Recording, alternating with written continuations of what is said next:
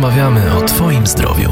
Przed mikrofonem radiokliniki pani magister Anna Mierzyńska, kierownik pracowni psychologii klinicznej, kliniki rehabilitacji kardiologicznej i elektrokardiologii nieinwazyjnej w Instytucie Kardiologii w warszawskim Aninie. Witam.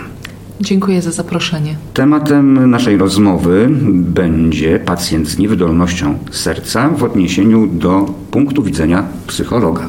Brała Pani udział w sympozjum rehabilitacji kardiologicznej i fizjologii wysiłku Polskiego Towarzystwa Kardiologicznego, którego to sympozjum radioklinika.pl jest patronem medialnym. Tam też mówiła Pani o wsparciu psychologicznym pacjentów kardiologicznych.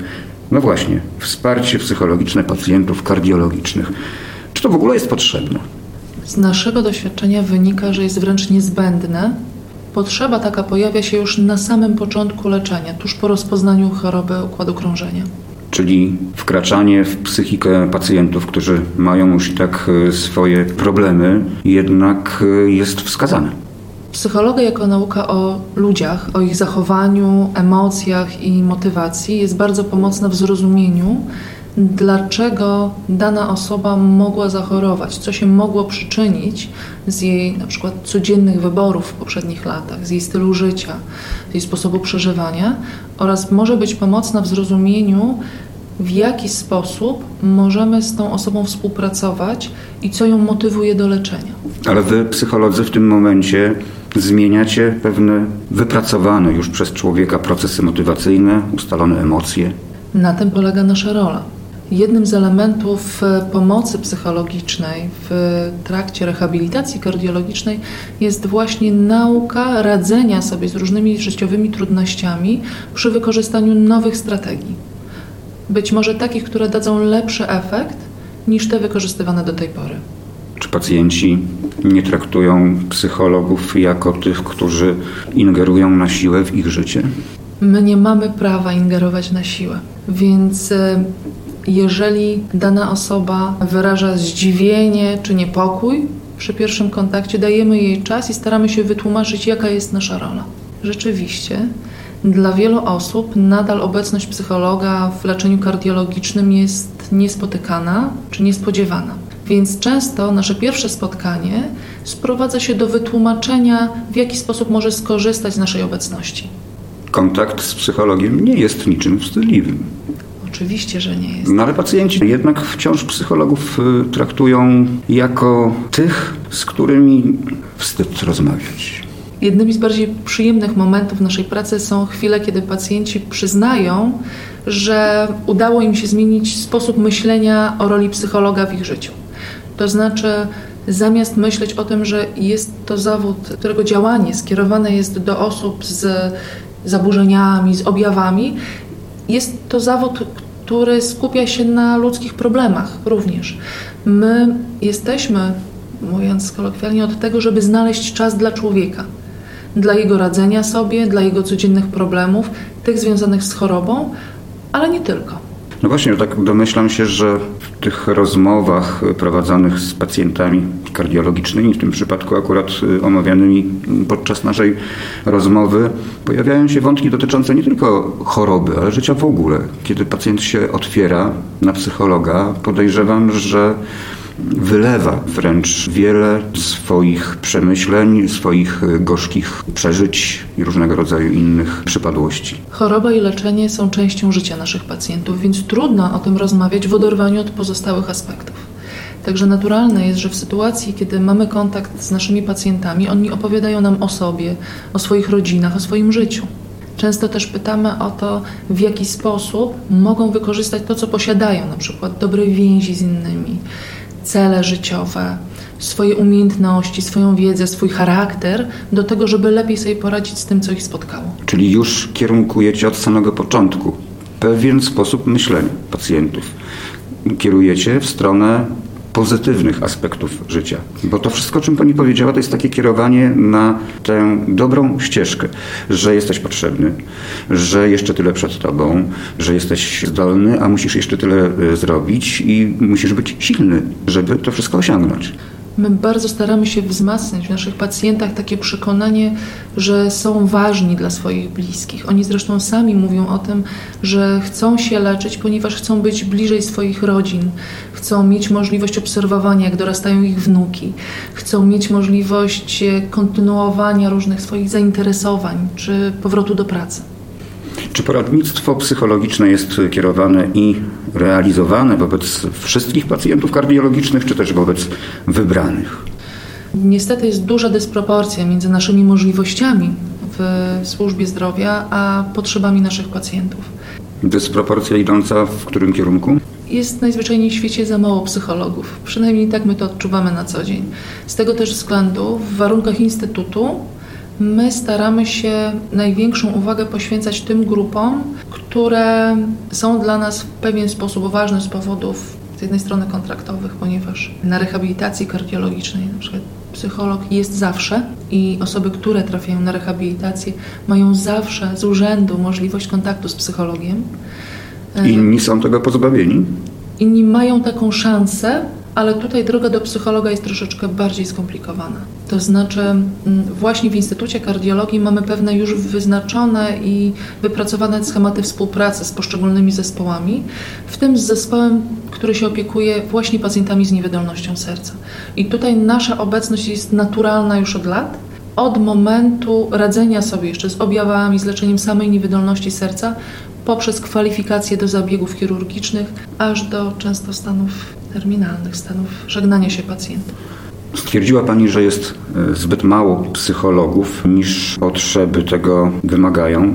Jest ich za mało, dlatego że jest za mało etatów przewidzianych, czy za mało chętnych? Oczywiście w pierwszej kolejności odpowiedź przychodzi ta związana z e, systemem na myśl i rzeczywiście moim zdaniem można by było spokojnie tych psychologów zatrudnić dużo więcej i na pewno znalazłoby się dla nich dużo ważnych zadań. Z drugiej strony też zdaję sobie sprawę z tego, że wybór takiej ścieżki zawodowej nie jest prosty ani oczywisty dla absolwentów psychologii. Jest to praca, która wymaga dosyć szczególnego zestawu umiejętności, ale też postaw wobec osób chorych, cierpiących, często umierających. Silnego charakteru? Silnego charakteru. Przecież stykacie się jako psycholodzy z nieszczęściem ludzkim, często bardzo postępującym. Musimy mieć w sobie wystarczająco dużo siły, aby móc ją przekazać naszym pacjentom. A to Was nie niszczy? Czy psycholog musi w pewnym momencie skorzystać z pomocy psychologa? Mam nadzieję, że większość moich kolegów i koleżanek po fachu z takiej pomocy korzysta, ze względu na to, że w przypadku na przykład psychoterapeutów jest to obligatoryjny element kształcenia. W przypadku psychologów jako takich nie jest to aż tak powszechne, aczkolwiek wiele osób korzysta ze wsparcia merytorycznego i też emocjonalnego w ramach grup Balinta, czyli takich, które służą omawianiu trudnych sytuacji zawodowych. Czyli spotykacie się w jakimś gronie, dzielicie się swoimi odczuciami, emocjami, przeżyciami. Tak, my jesteśmy sami własnym narzędziem pracy. Musimy dbać o to narzędzie. Ja myślę, że to jest dobry moment, w którym należy powiedzieć, na czym w ogóle polega psychoedukacja, jak to jest realizowane przez psychologa. Od pierwszych kroków zetknięcia się psychologa z pacjentem, aż po kolejne.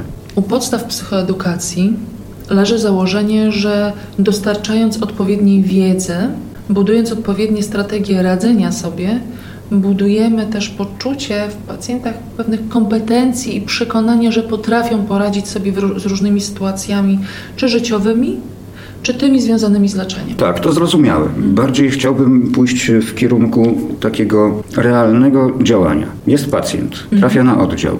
Pierwszy kontakt, na czym polega? Jak to wygląda? Przychodzi psycholog, mówi...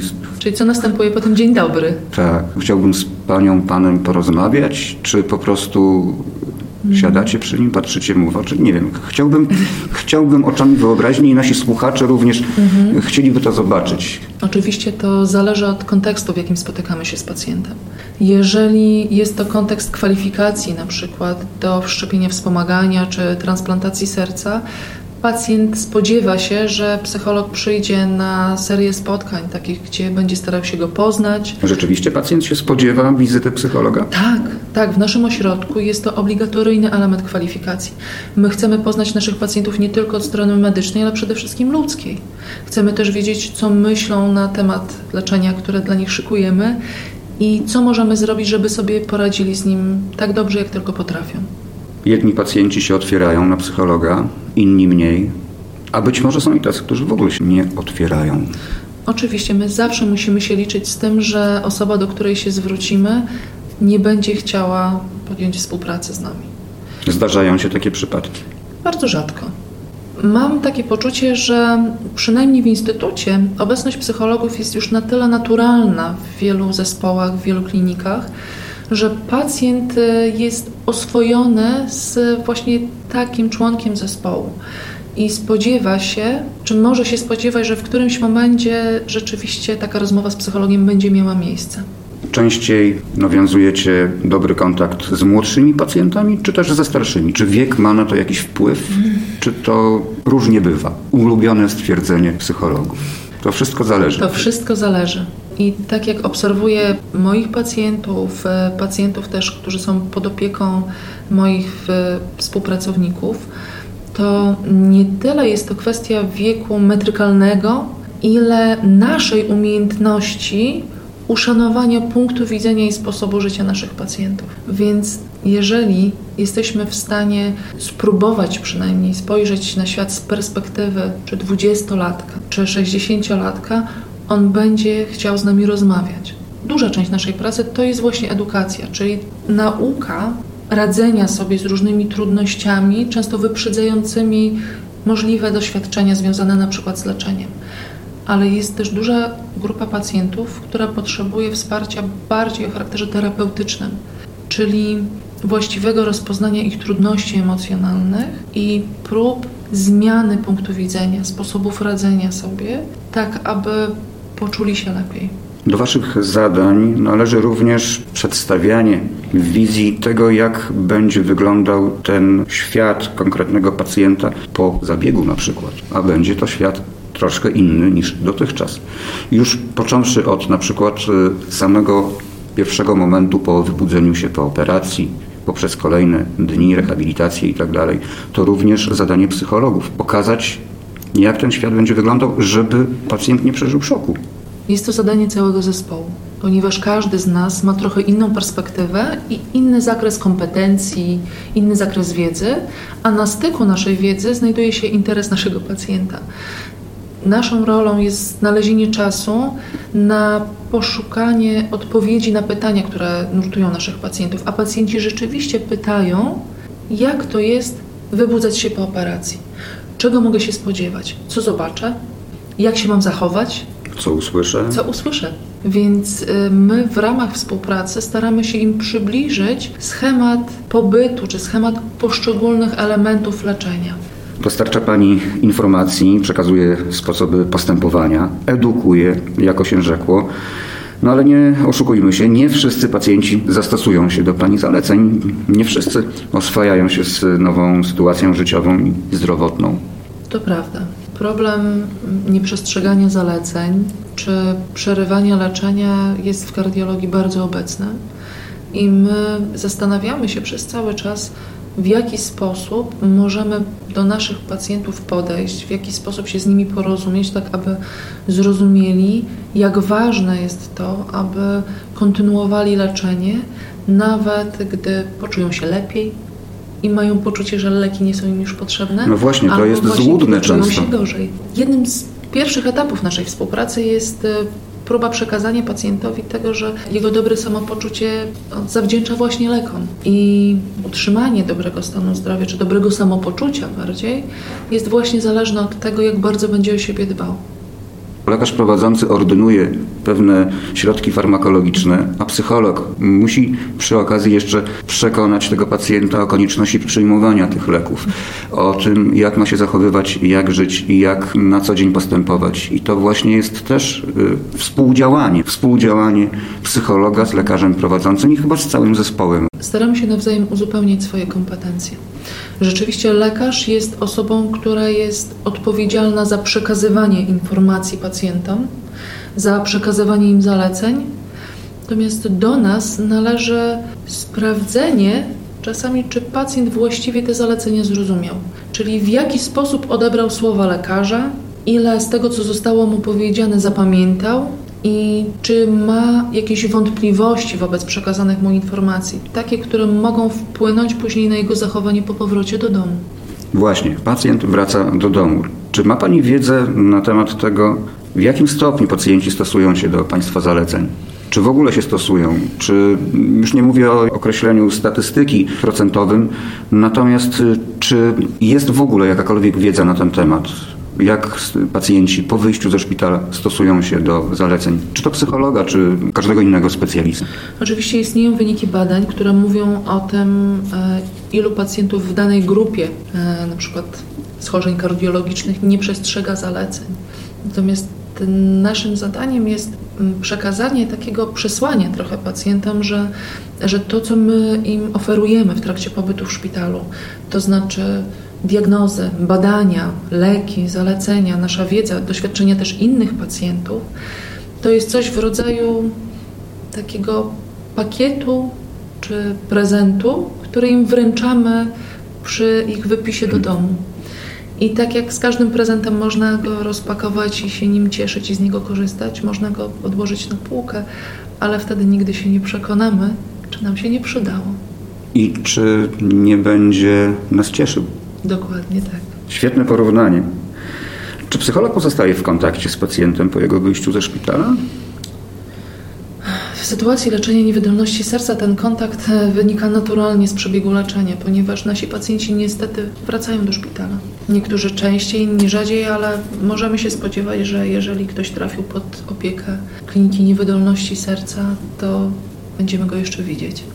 Natomiast po zakończeniu hospitalizacji raczej, y, jeżeli pyta Pan o kontakty prywatne, czy czy kontynuowana jest y, na przykład y, terapia psychologiczna Aha, poza szpitalem? Zdarza się. W przypadku osób, u których rozpoznajemy trudności psychologiczne wymagające dłuższej opieki czy psychoterapii, że pacjent po zakończeniu hospitalizacji pozostaje z nami w kontakcie terapeutycznym. To znaczy ustalamy schemat spotkań e, i wtedy pacjent może korzystać z naszej pomocy również w warunkach przykład rehabilitacji w ośrodku dziennym, kiedy przyjeżdża z domu i oprócz ćwiczeń, oprócz e, fizjoterapii ma również naszą pomoc. Czy jest różnica we współpracy psychologa z pacjentami z nabytą niewydolnością serca bądź wrodzonymi wadami serca? Czy są tutaj jakieś rozbieżności? To, co my obserwujemy, to przede wszystkim inny sposób patrzenia na siebie i na swoje życie. Osoby, które chorobę kardiologiczną nabyły, zwłaszcza w wieku dojrzałym, mają perspektywę i wspomnienie siebie jako osoby zdrowej. I w procesie radzenia sobie z rozpoznaniem choroby i z leczenia odwołują się do tego obrazu. Czasami przeżywają coś na kształt utraty, tak jakby żałoby po sobie zdrowym. Jest to proces, przez który po prostu naturalnie przechodzą stopniowo godząc się z pewnymi ograniczeniami. Osoby, które urodziły się z wadą, nie mają takiej perspektywy. I one często mówią o tym, że trudno im sobie wyobrazić nawet, jak to jest żyć ze zdrowym sercem, ponieważ te ograniczenia, które dla pacjentów na przykład po zawale są czymś nowym, dla nich są po prostu naturalne, są częścią ich codziennej rzeczywistości. E, stąd też na przykład rozmowy przygotowujące tych pacjentów do transplantacji serca są wyjątkowe, ponieważ oni mówią o tym, że z wielką niecierpliwością czekają na sprawdzenie, jak to jest móc żyć tak jak zdrowi rówieśnicy. Ze zdrowym sercem. Ze zdrowym sercem. A skoro dotknęła Pani transplantologii, myślę, że naszych słuchaczy też interesuje taki fakt, jak reagują pacjenci, którzy przygotowują się, a przygotowywani są przez psychologów między innymi, do transplantacji, bo przecież będą mieli wszczepione obce serce. To jest jeden z elementów radzenia sobie z tą sytuacją, z którą my zawsze staramy się pacjenta delikatnie zmierzyć. To znaczy, nie każda osoba ma gotowość mówienia o tym, z czym się wiąże transplantacja, mimo że każdy ma wiedzę, w jaki sposób otrzyma nowy narząd. Staramy się być w gotowości i też służyć pomocą w radzeniu sobie z tym egzystencjalnym aspektem transplantacji. To, co bywa trudne dla naszych pacjentów, to to, że dar życia, jakim jest przeszczepienia, wiąże się z czyjąś śmiercią. No właśnie, o to też miałem zapytać. Przecież to jest właśnie ta kwestia egzystencjalna. Świadomość, że to serce należało do kogoś innego jest dla mnie niewyobrażalnym przeżyciem. Czy na przykład pacjenci po transplantacji pytają, kim była ta osoba, która dała im serce? Zdarzają się takie przypadki? Zdarzają się osoby, które w pierwszym okresie zdrowienia czy rekonwalescencji po transplantacji potrzebują odpowiedzi na pytanie, kim był dawca. Ze względu na to, że nasze prawo nie pozwala nam na przekazywanie takich informacji, my staramy się chronić anonimowość obu stron transplantacji, zarówno dawcy, jak i też biorcy, czyli naszego pacjenta. W to miejsce często nasi pacjenci wkładają różnego rodzaju wyobrażenia na temat dawcy. Tak jak powiedziała jedna osoba, nie wiem kim był ten człowiek, ale niezależnie od tego, kim był i jak żył, był na tyle dobrym człowiekiem, aby podarować mi nowe życie. I sądzę, że to jest taka formuła, to są takie słowa, które wyczerpują tak, ten wątek. Mhm. Tak. Istotnie. Zapewne w rehabilitacji poszpitalnej dużą rolę powinna odgrywać rodzina czy psychologowie. Czy psycholog współpracuje z rodziną przed wypisaniem pacjenta ze szpitala? Czy przygotowuje rodzinę na tryb postępowania? Zawsze, jeżeli tylko mamy taką możliwość, staramy się również poznać najbliższych naszych pacjentów. Jeżeli zakładamy, że nasi pacjenci zapamiętają, czy poradzą sobie tylko z częścią informacji, a dobrze by było, żebyśmy też zakładali, że nie zapamiętają 100%, żebyśmy nie nakładali na nich tej odpowiedzialności przy pierwszej wizycie czy pierwszej hospitalizacji, to włączenie osób najbliższych mm, daje wiele dobrych efektów dla naszej współpracy. Z jednej strony pokazuje pacjentowi poprzez właśnie zaangażowanie jego bliskich, że nie jest sam, że my też szanujemy to, że on żyje wśród osób, które są dla niego ważne, że my te osoby dostrzegamy, że widzimy ich znaczenie dla jego motywacji, dla jego radzenia sobie. Rodzinie w, sposób, w ten sposób też pokazujemy, że ich działanie ma znaczenie, że my ich dopuszczamy. I to chyba niebagatelne znaczenie. Och, pierwszoplanowe często, ponieważ staramy się aby zarówno nasz pacjent, jak i jego bliscy wiedzieli, jakie są oczekiwania z naszej strony, ale też mieli możliwość zadania nam pytań. Ja często powtarzam naszym pacjentom, kiedy ich uczę radzenia sobie z różnymi konsekwencjami choroby, że my jako profesjonaliści, specjaliści wiemy, co mamy im powiedzieć, ale nie wiemy rzeczy bardzo ważnej, wręcz kluczowej, nie wiemy, czego oni chcą wiedzieć, nie wiemy, czego potrzebują wiedzieć, bo nie znamy Nie mogą tego wyartykułować? Dajemy im taką możliwość. Czego chcieliby się dowiedzieć? Nazwać to, zwerbalizować? Dlatego właśnie edukacja jest e, dialogiem tak naprawdę. Po zabiegach kardiochirurgicznych nierzadkim zjawiskiem jest pojawienie się stanów depresyjnych. Czy psycholog kardiologiczny jest w stanie temu zaradzić? Pierwszej kolejności, jeżeli mamy możliwość przygotowania pacjentów do przeżyć związanych z operacją i zweryfikowania ich oczekiwań wobec efektów takiego leczenia, to staramy się to robić, bo traktujemy to jako element profilaktyki.